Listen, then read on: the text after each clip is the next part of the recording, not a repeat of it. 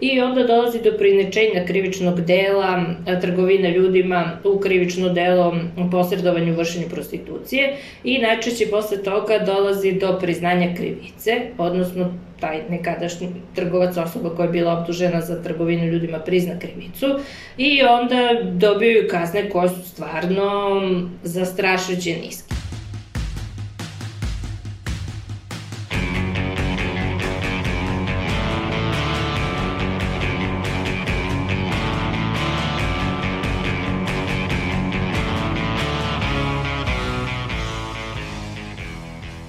Zdravo! Ja sam Iva Gajić, a u ovoj epizodi čućete i glasove Irene Čučković, Sanje Kosović i Sanje Đorđević, ekipe koja radi na realizaciji podcasta Reagu i nezavisnog društva novinara Vojvodine. Naravno, na epizodi je radila i naša urednica Aleksandra Bučko. Danas pričamo o nečemu što se često naziva najstarijim zanatom, što je laž jer zapravo nije u pitanju najstariji zanat. Danas pričamo o prostituciji. A kao što ćete čuti od naših sagovornica u ovom izdanju, u najvećem broju slučajeva prostitucija je zapravo trgovina ljudima. Pričamo o legalizaciji i dekriminalizaciji. Želimo da raščivijamo šta donosi jedno, a šta drugo. I da li je potrebno bilo šta uraditi. I naravno, šta je moguće uraditi u Srbiji? Jer jedno je teorija, a drugo stanje na terenu i životu. Šta ja znam? Rođena sam u jednom selu u Banatu. Roditelji su se razveli, a ja sam kao kalinka išla od nemila do netraga. Nemam nikakve škole. Nisam se ni trudila da je završim. Smučilo mi se da se potucam od rođaka do rođaka. Došla sam u Beograd i bila te sreće da me je odmah obrlatio jedan mangup. On je zapravo bio podvodač. Glumio je veliku ljubav samo da bi me uvukao u ovu prljavu rabotu. Pristala sam jer sam ga ludački volela. Prošlo je tako nekoliko godina u prodavanju svog mladog tela za svog dragog. A onda je on rekao... Zbogom. Kada me je do kraja iskoristio, a ja sam se našla na ovim peronima gde sam već tri godine.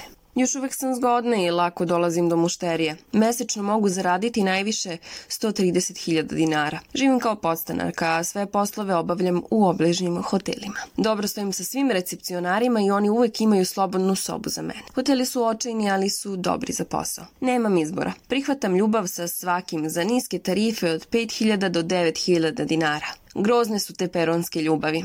Uvek u meni ostane velika praznina. Nema momka i zaboravila sam kako izgleda ljubavno zadovoljstvo. Već sam frigidna. Svi se nadvijaju nadamnom. Smrdljivi, ružni, musavi, klinci, slinavi, ćopavi, pijanci. Sve za lovu. Mlada sam još uvek, iako me je ovaj život dosta izmučio. Pokušat ću da uskoro promenim lokaciju. Želim se tucati za pare na boljim mestima i za veće prihode.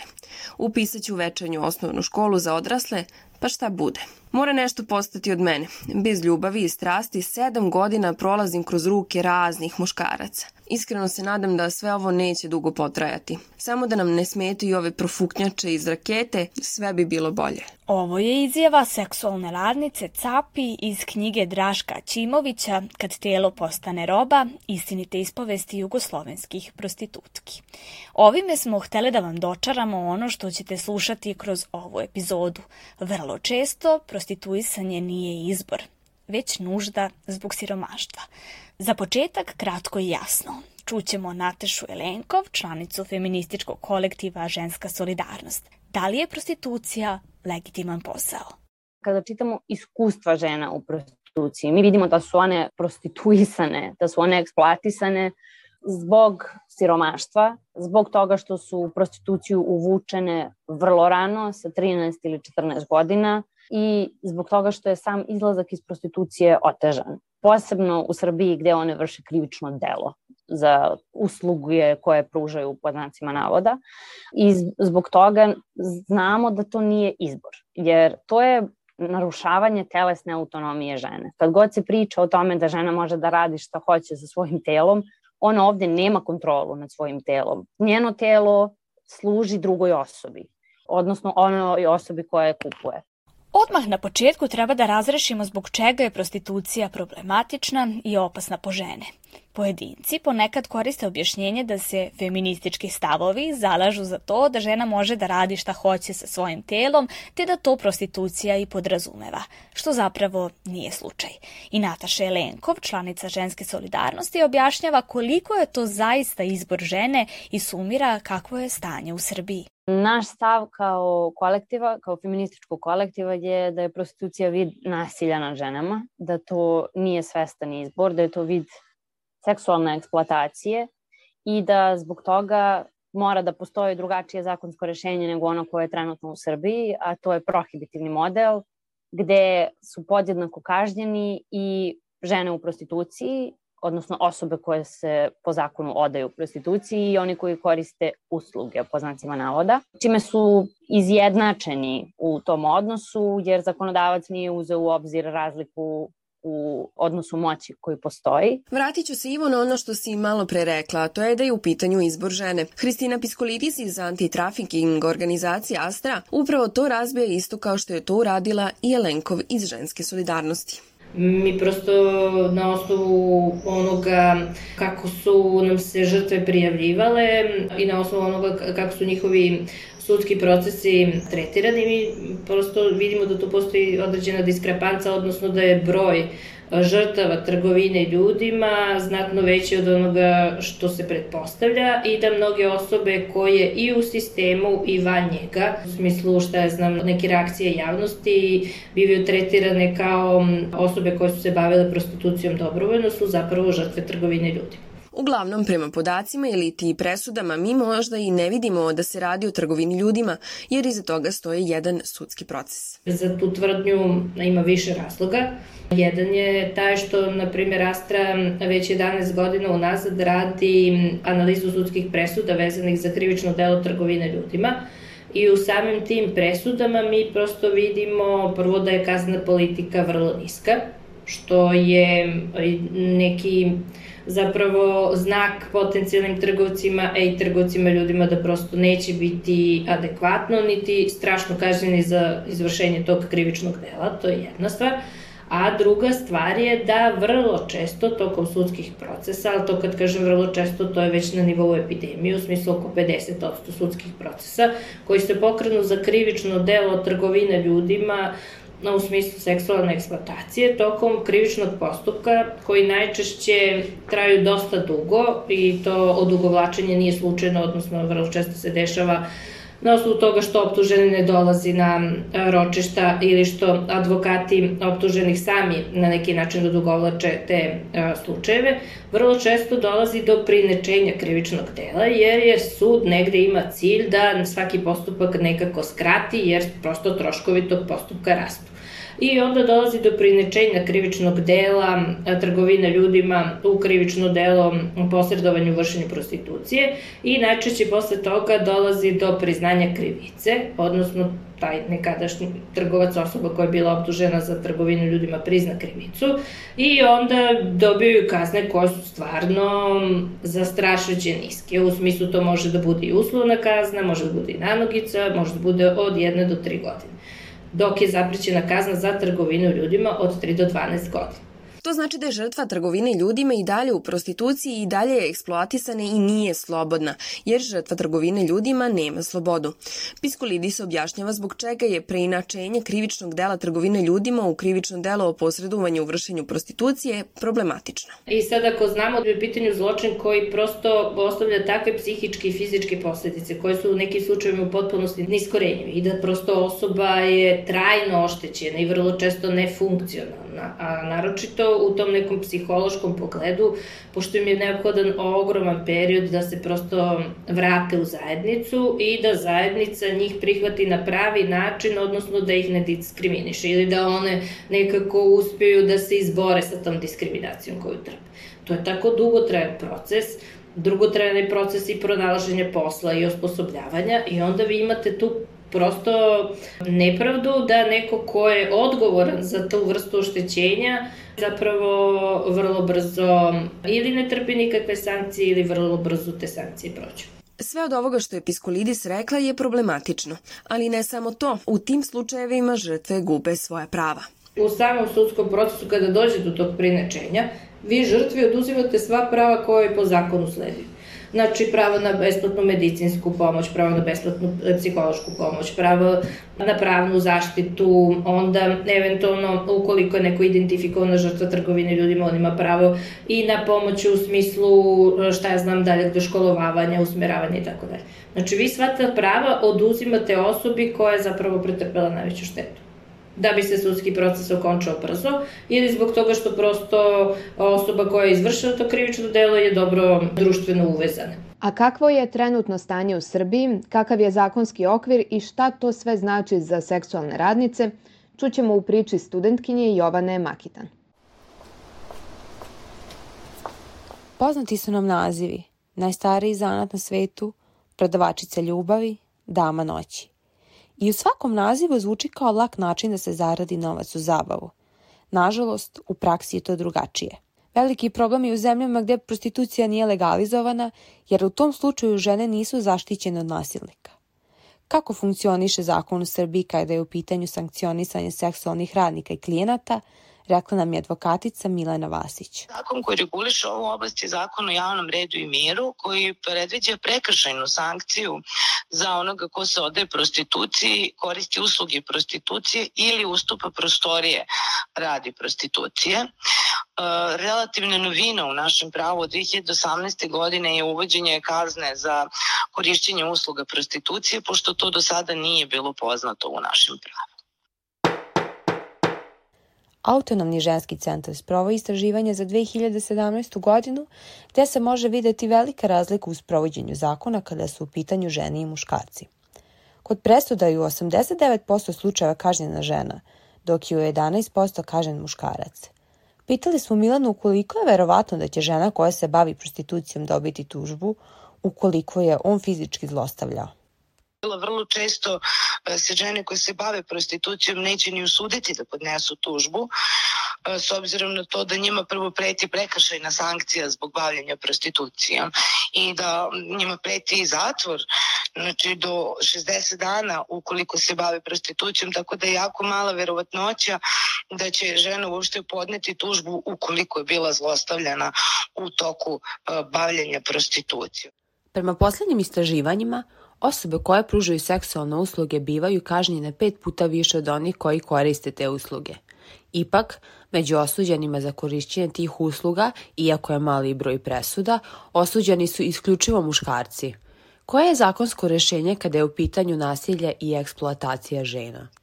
Pa dekriminalizacija prostitucije bi bila jedno rešenje. Šta to znači? E, postoje modeli u uporednom pravu u kojima su zakonska rešenja takva da se kažnjavaju samo korisnici e, takozvanih seksualnih usluga, a ne, a ne i žene koje se bave prostitucijom. I to je jedna od mogućnosti e, zakonskog rješavanja ovog problema koja bi otvorila prostor da se možda žene usude da prijave nasilje. Jelena Pešić je stručna saradnica u Preventu. Ona nam donosi priču iz života, tačnije iz prakse, jer Prevent radi sa seksualnim radnicama, uglavnom onima koje su na putu. Objašnjava da su tu uglavnom u pitanju socijalni slučajevi. Uglavnom na petlji ili na drugim naskrsnicama po Novom Sadu.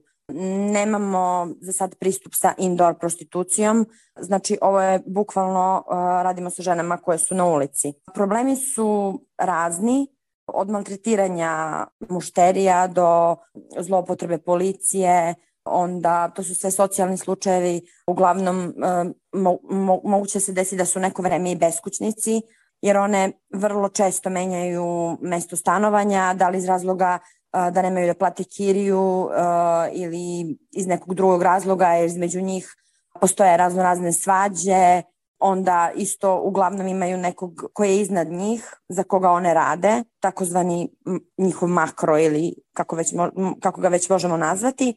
I uglavnom one nekad budu, mislim, maltretirane i od strane njega. One uglavnom njega zovu muž ili momak ali iz priče mi u stvari saznamo da, e, da ona taj način samo manipuliše njima, da one njemu u stvari, u stvari e, odnose novac. Tako da u suštini mislim ima raznoraznih problema sa kojima se mogu susresti. Njima je mislim sva, sva, svaka noć ili svako veče novi izazov. Za neke je i to pokušaj da ne znam da nađu gde da spavaju e, te večeri zato što po nekim hostelima gde ih klijenti vode, one tu ostaju celu noć jer nemaju, jer nemaju kuću svoju, tako da u suštini imaju stvarno razne probleme i to je kao neki začarani krug. Prevent pruža pomoć seksualnim radnicama. Pešić nam objašnjava kako to izgleda, odnosno kako oni mogu da im pomognu kao organizacija. Mi ih najčešće posećamo na terenu, mada one uh, često dolaze i kod nas U stratištu im pružamo psihološku podršku, imamo psihologa i socijalnu radnicu i uglavnom ako im nešto treba, ako imaju prava na socijalnu pomoć, ona pokušava da ih edukuje koja im sve dokumenta trebaju da bi mogli da ostvare da li jednokratnu ili mesečnu uh, socijalnu pomoć. A na samom terenu smo im od velike pomoći jer je uglavnom zimi hladno, mi idemo na teren kombijem gde one mogu da se sklone na pola sata, nudimo im čaj i kafu da se ugreju, dajemo im kondome i u nekom neformalnom razgovoru pokušavamo isto da ih edukujemo zašto da koriste kondome i o raznoraznim drugim temama o reproduktivnom zdravlju. Ovaj, jer one uglavnom, uglavnom nemaju znanja na tom polju i isto im nudimo besplatno i anonimno testiranje, što je za njih vrlo bitno jer su one u konstantnom riziku od zaražavanja bilo koje bolesti. Trenutno se prostitucija reguliše zakonom o javnom redu i miru i kao takva predviđa kaznu i onome ko se prostituciji odaje i onome ko koristi usluge prostitucije. To naravno ne štiti seksualne radnice i radnike. Hristina Piskolidis iz antitrafiking organizacije Astra objašnjava da to predstavlja problem jer čak i kada su osobe u prinudnoj prostituciji, one ga ne prihvataju da ne bi bile krive pred zakonom. Opet su te žene, kažem žene zato što opet 95% osoba koje se bave prostitucijom su žene, opet su one bile te koje su plaćale kazne, a ne korisnici usluga ili makroji. I zbog te zaprećene kazne vrlo često se dešava da osobe koje su prinudno u prostituciji, a koje se boje da neće biti prepoznate od strane sistema, od strane konkretnih osoba, policajca kome budu prijavile slučaj, sudije ispred koga se e, budu našle, da ih neće prepoznati kao žrtve trgovine ljudima, one prosto se boje da prijavljuju situaciju u kojoj se nalaze, da prosto one ne bi bile gonjene.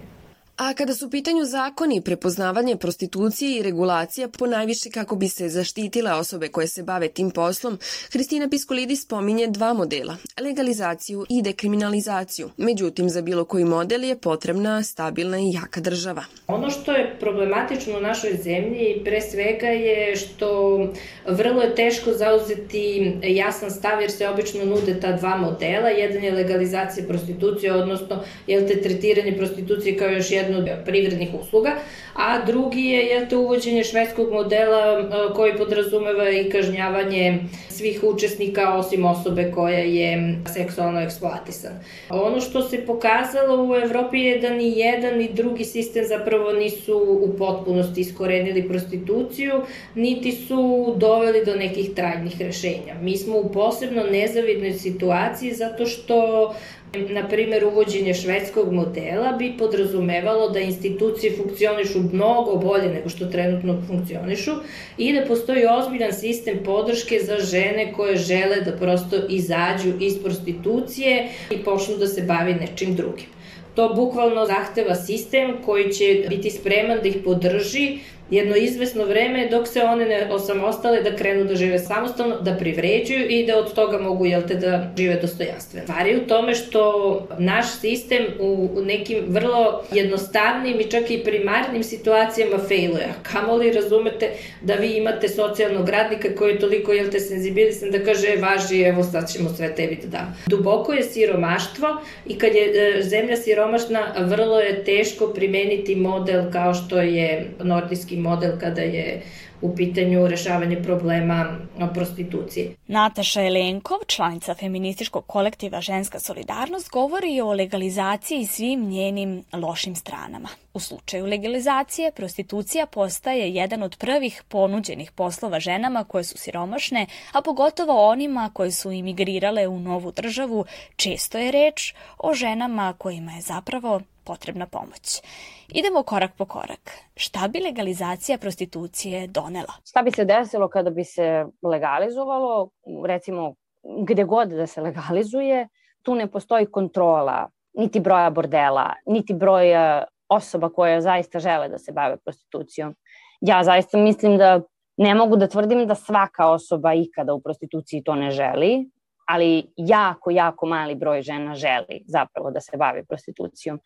I kada se priča o posledicama legalizacije, glavna posledica jeste povećanje trgovine ljudima u svrhu seksualne eksploatacije, jer um, nekako grubo zvuči kada se koristi taj ekonomski rečnik, ali ponuda žena koje žele da se bave prostitucijom nikada neće da nadmaši tražnju muškaraca a zapravo zbog toga se i veštački stvara ponuda kroz trgovinu ljudima. Jer većina žena koje se bave prostitucijom u Nemačkoj su migrantkinje, većina su jako mlade, većina ne znaju jezik i problem je što im se prostitucija nudi zapravo kao jedan od izvora zanimanja, što one ne smeju, nije da ne smeju, ali ne preporučuju im se da odbiju u suštini. Najveći bordel u Evropi je Nemačka. Dok je seksualni rad tolerisan još 1800-ih, vlada ga je formalno legalizovala 2002. Kada je prostitucija eksplodirala i transformisala se u posao od 16,3 milijardi dolara godišnje sa čak preko milion seksualnih radnika. Nataša Elenkov upravo govori o legalnoj prostituciji na primjeru Nemačke. Kad god se govori o legalizaciji, odličan je uzhrak Nemačka. Dakle, Nemačka je, jel te, snažna država kapitalističkog centra, tamo je razvijena vladavina prava, ali se ta vladavina prava nekako slomila o leđa žena koje su u prostituciji. I ono što je karakteristično za Nemačku jeste da je ona zakonom o legalizaciji uvela uh, i mogućnost registrovanja žena u prostituciji, da one mogu da se bave time. Međutim, naravno da su naišli na ogroman problem, a to je da žene ne žele da se registruju kao seks radnice, ono što oni zovu seks radnicama, zato što se plaše da time gube anonimnost, da će teže izaći iz prostitucije i zato što žele da se što pre izvuku iz prostitucije. Pretpostavlja se da u Nemačkoj ima 400.000 žena u prostituciji, a da je registrovano, evo, prema poslednjim podacima koje su objavili, oko 20 i nešto hiljada. To je drastično, drastično manji broj. Oni su uveli čak i obavezu registrovanja, dakle da ukoliko se žele neke beneficije, pod nacima navoda da registracija mora da postoji, međutim ni to nije pomoglo. Često se priča kada se govori o legalizaciji da će tu sad doći zdravstveno, socijalno, sve te, jel te, fancy stvari. Međutim, to se ne dešava. Žene i koje su registrovane i koje su u prostitucija ne žele da se registruju, ostvaruju socijalno i zdravstveno putem drugog zanimanja, putem nekog drugog posla, ne preko prostitucije. Jednostavno se na tim primerima vidi da je tu reč o trgovini ljudima, o seksualnoj eksploataciji, a ne o izboru, niti o želji žena da se bave prostitucijom. Interesovalo nas je šta vi mislite. Da li ste za legalizaciju prostitucije i zašto imate takvo mišljenje? Postavile smo vam pitanje i na našim društvenim mrežama. Na mrežama su ovakvi odgovori. Za legalizaciju je 45% da ne bude legalizovana glasalo je 5, a za dekriminalizaciju prostitucije glasalo je 39%. A stigli su nam i odgovori u inbox, koje čita naša Irena Čučković. Legalizacija prostitucije zato što su žene bezbednije i zdravije na taj način, a dekriminalizacija otprilike iz istih razloga. Prostitutka se ne prostituiše, već je prostituisana – Prostitucija je vid nasilja nad ženama i legalizacija iste bi doprinela daljem normalizovanju objektifikacije žena. Treba kriminalizovati korisnike prostitucije, a ne težiti ka tome da im se legalizacijom olakša dalje ponižavanje i zlostavljanje živih bića. zato što je prostitucija jedan od oblika nasilja nad ženama. A onda smo neke od vaših odgovora uparile sa odgovorima naših sagovornica, koje se aktivno bave ovom problematikom. Rekli ste... Uh, ja sam za legalizaciju iz razloga uh, zdravstvene zaštite, uh, gde smatram da te žene zaista treba da imaju adekvatne preglede i da se brine o njima, ali isto tako mislim da takva vrsta posla je nešto na što je u većini slučajeva žena primorana zbog malih primanja i okolnosti i da bi porez za to trebao da bude definitivno manji. Nataša Jelenkov, članica feminističkog kolektiva Ženska solidarnost, odgovara. Ni to što je radni staž opet ne umanjuje da neko plaća za nečiji pristanak. Opet ne umanjuje taj nasilnički karakter koji prostitucija ima. Često se koristi argument sindikati, seks radnica, kada se malo zagrebe i vidi se da su to više sindikati Makroa, bez obzira na to što Makroji mogu biti i, i žene, i da je to manjina, često pojčano gledano manjina, koja pokušava da predstavi većinu, a većina je tu prinudno. Tako da ni na to ne treba nasedati. Rekli ste? Načelno, jesam za legalizaciju prostitucije i to isključivo od pragmatičnih razloga, na način na koji bi država profitirala, a i kako bi sprečili nehumano obhođenje i eksploataciju prostitutki, makroizam i širenje venerične bolesti.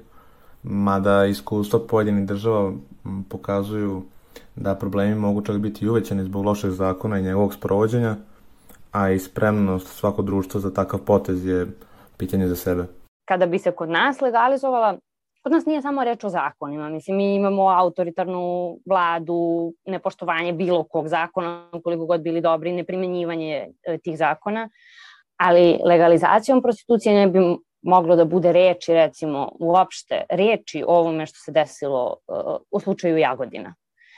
Dakle, to bi sve bio legalan biznis, ne bismo došli ni do ovog nivoa da o tome pričamo i da sa tim neko izađe u javnost kao šokantnom informacijom. I još jedna mala napomena koju nam govori Nataša Jelenkov, članica feminističkog kolektiva Ženska solidarnost. Česti argument da je to najstariji zanat, to je nešto što se često provlači i da je to, je to od uvek postojalo. Za početak to, mislim, ajde da krenemo i od toga, to nije najstariji zanat. Najstariji zanat na svetu za žene jeste možda, možemo da pričamo o babicama, recimo zaista nije najstariji zanat prostitucija. To su defetistički stavovi gde zapravo se koristi uvijena mizoginija da se ostavi stanje stvari onako kakve jeste već sad. Kada je u pitanju rešenja i legalizacije i dekriminalizacije jesu deo rešenja, ali ne i potpuno. Važno je imati jaku državu i dobar sistem. Senzibilisane osobe u institucijama sa kojima seksualne radnice dolaze u kontakt poput policajaca, sudija, socijalnih radnika. Hristina Piskolidis iz antitrafiking organizacije Astra kaže da je najvažnije od svega pomoći žrtvi. Sve ostalo je manje važno. Činjenice da koji god sistem da se primenio, da prosto vi možda šaljete od određenu poruku javnosti da, eto, ako se uvede taj švedski sistem, odnosno dekriminalizacija, vi šaljete poruku javnosti ko je tu zapravo zločinac, a ko je žrtva. I to je s jedne strane u redu. Ali to u životu te osobe koja je trenutno ugrožena zaista ne pravi neku veliku razliku. A mi nekako radimo sa žrtvama i bitno nam je kako će one biti tretirane i u društvu i u sistemu. I onda nekako jedno je teorija, drugo je praksa. Ako institucije ne rade svoj posao, ako nemamo jak socijalni sistem koji može da podrži ženu, koja je rešila da izađe iz prostitucije i stvori uslove da u jednom trenutku ona pokrene samostalni život, dostojanstven, koji će joj omogućiti da živi od sobstvenog rada, koji nije prostitucija, I onda, znači, ako nemamo dovoljno jaku podršku da joj pružimo mogućnost da se osnaži i da u jednom trenutku se ostali, besmisleno je, jer to je onda samo slovo na papiru. A šta će se dešavati iza je potpuno nepoznato. Važno je sistemski urediti prostituciju, a do tada Jelena Pešić, stručna saradnica u Preventu, objašnjava kako svi možemo da pomognemo. Mi smo imali razne akcije, mi već godinama radimo sa seks radnicama, imali smo razne akcije prikupljanja garderobe, na primer, ne znam da li zimski ili letnje, zavisi od sezone, gde, gde je bilo ko moglo da donese u naše stratište neku svoju o, garderobu koju više ne koristi, koje bi rado, rado poklonio, onda mi ovaj, pri izlasku na teren ili u stratištu ih pozovemo da to njima damo. Sakupljali smo isto i neke, neke proizvode ovaj, za, za ličnu higijenu, jer je to njima pre svega potrebno. Ovako građani, mislim, ne znam na koji način, sem da ih ne diskriminišu jer uglavnom su one neshvaćene od, od, od strane populacije i uglavnom su diskriminisane. Ali eto, ako neko, mislim, ako, ako neko želi da pomogne, na taj, može i preko nas, jer, jer njima je uglavnom teško da, da, teško da, da steknu poverenje u druge ljude, ali pošto mi s njima radimo već godinama, onda kad nas prepoznaju na terenu ne plaše se, priđu nam i ukoliko im bilo šta nudimo, o, ne, ne odbijaju zato što znamo da im u suštini sve to treba. Nataša Jelenkov iz Ženske solidarnosti objašnjava da je ipak rešenje u nordijskom modelu. On neće pomoći u tome da se prostitucija iskoreni, ali mu je najviše u fokusu zaštita seksualnih radnica. Zašto je model za koji se mi zalažemo najbolji za žene, taj nordijski model? Zato što on ne podrazumeva samo dekriminalizovanje žena u prostituciji, nego podrazumeva i set ekonomskih, socijalnih, psiholoških mera kojima se ženama, najčešće jesu žene, zbog toga i govorimo o ženama, pomaže da izađu iz prostitucije. Dakle, one nisu ostavljene samo eto, neće ići u zatvor za položaj u kojem jesu, već im se pomaže da iz toga izađu. I mislimo da taj model najviše odgovara realnosti žena u prostituciji. Kada se priča o prostituciji, uvek se govori slušajte žene u prostituciji. Slušamo ih, zato i mislimo. Kada čitate ispovesti žena i žena koje su u prostituciji i one koje su izašle, jasno vam je da to nije bio izbor. Sa druge strane, mi jesmo za vid dekriminalizacije, ali postavlja se pitanje koga dekriminalizujemo. Treba da dekriminalizujemo žene u prostituciji zato što niko ne treba da bude kažnjen za to što je eksploatisan, dok sa druge strane treba kazniti one zbog kojih prostitucija zapravo i postoji, a to je muški svesni izbor da kupe drugu osobu I, jer to jeste glavni krivac za postojanje prostitucije, to je strukturalno nasilje i muško nasilje. Tako da nismo za potpunu dekriminalizaciju, nego za ono što se naziva nordijskim modelom, pošto je sa tim modelom prvo krenula Švedska. Takođe smo protiv potpune dekriminalizacije gde će se dekriminalizovati makroji, bordeli i kupci, pa samim tim i žene u prostituciji, ali i za legalizaciju gde postoji veća uloga države. Sa idejom o nordijskom modelu rešavanja prostitucije završavamo ovo izdanje podcasta Reagu i nezavisnog društva novinara Vojvodine. Čuli smo da je za nordijski model potreban stabilni sistem, ali i senzibilisani ljudi u državnim institucijama, odnosno institucijama sa kojim se susreću osobe koje su seksualni radnici. A veliki je problem što vrlo često dolazi do preinačenja krivičnog dela trgovine ljudima u krivično delo o posredovanju vršenju prostitucije, uglavnom kako bi se ubrzali sudski procesi. To je problem iz više aspekata jer nije ista težina, iako se kazne ne razlikuju previše. A žrtva najviše gubi, od poverenja, mogućnosti izlaska iz situacije, do prava na razne vrste pomoći, od psihološke, pravne, pa do ona u vidu edukacije koje bi im pomogle da se bolje ili malo lakše integrišu u društvo i izdržavaju sebe i porodicu na drugačiji način. Hvala ti što si slušao i slušala ovu epizodu. Ja sam Iva Gajić, a ovu epizodu podcasta realizovale su još i Sanja Kosović, Irena Čučković, Aleksandra Bučko i Sanja Đorđević. Budi uz nas i nadalje i prati naš rad. Podrži nas za početak tako što ćeš aktivno biti uključen ili uključena u našu zajednicu na društvenim mrežama, na Facebooku Instagram stranici, Facebook grupi ili na TikToku. Imaš predlog teme? Piši nam na društvenim mrežama i na mail podcast.ndnv.org. Možeš nam pisati svoje utiske o epizodi, iskustvo ili predloge tema. Naš rad možeš pratiti na kanalima na podcast.rs, Sounderu, Spotifyu, Google podcastima i Deezeru.